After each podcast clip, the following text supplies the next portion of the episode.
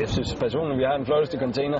Selvom det umiddelbart ikke klinger noget særligt, så spiller netop containeren en meget central rolle, når de danske sejlere drager til stævner udenlands. Det er her, hvor man mødes og snakkes før og efter sejladsen med, med alle de andre øh, danskere. Det er super vigtigt med, med et sammenhold, når man skal have et stævne, der tager så lang tid.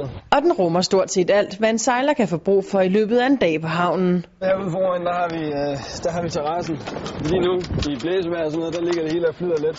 Men når det er bedre vejr, så er det dejligt at sidde herude. Hvis vi går indenfor, så har vi øh, først, der har vi lige kontoret, her hvor Christian og Frank sidder og er kloge.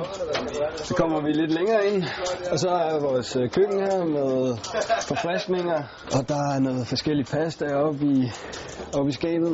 Det er simpelthen det, vi får. Det er Frank, han er vores diætist på den her tur. Ja, de har spist alt slik. Det er altså væk. Vi havde jo en 4 kilo slik eller sådan noget. Det var væk allerede inden stævnet begyndte. Så sådan er det jo.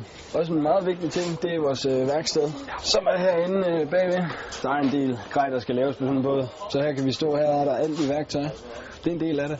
Også når det gælder noget at fordrive ventetiden med, kan containeren være behjælpelig. Jeg har hverken været til OL før, øhm, som øh, mange af de andre lidt ældre sejlere, øh, og jeg har heller ikke øh, gået så meget på værtshus som trænerne, så jeg er faktisk fuldstændig ny i det her dart. Men jeg regner med, at øh, jeg, kan, jeg kan lære det de næste år.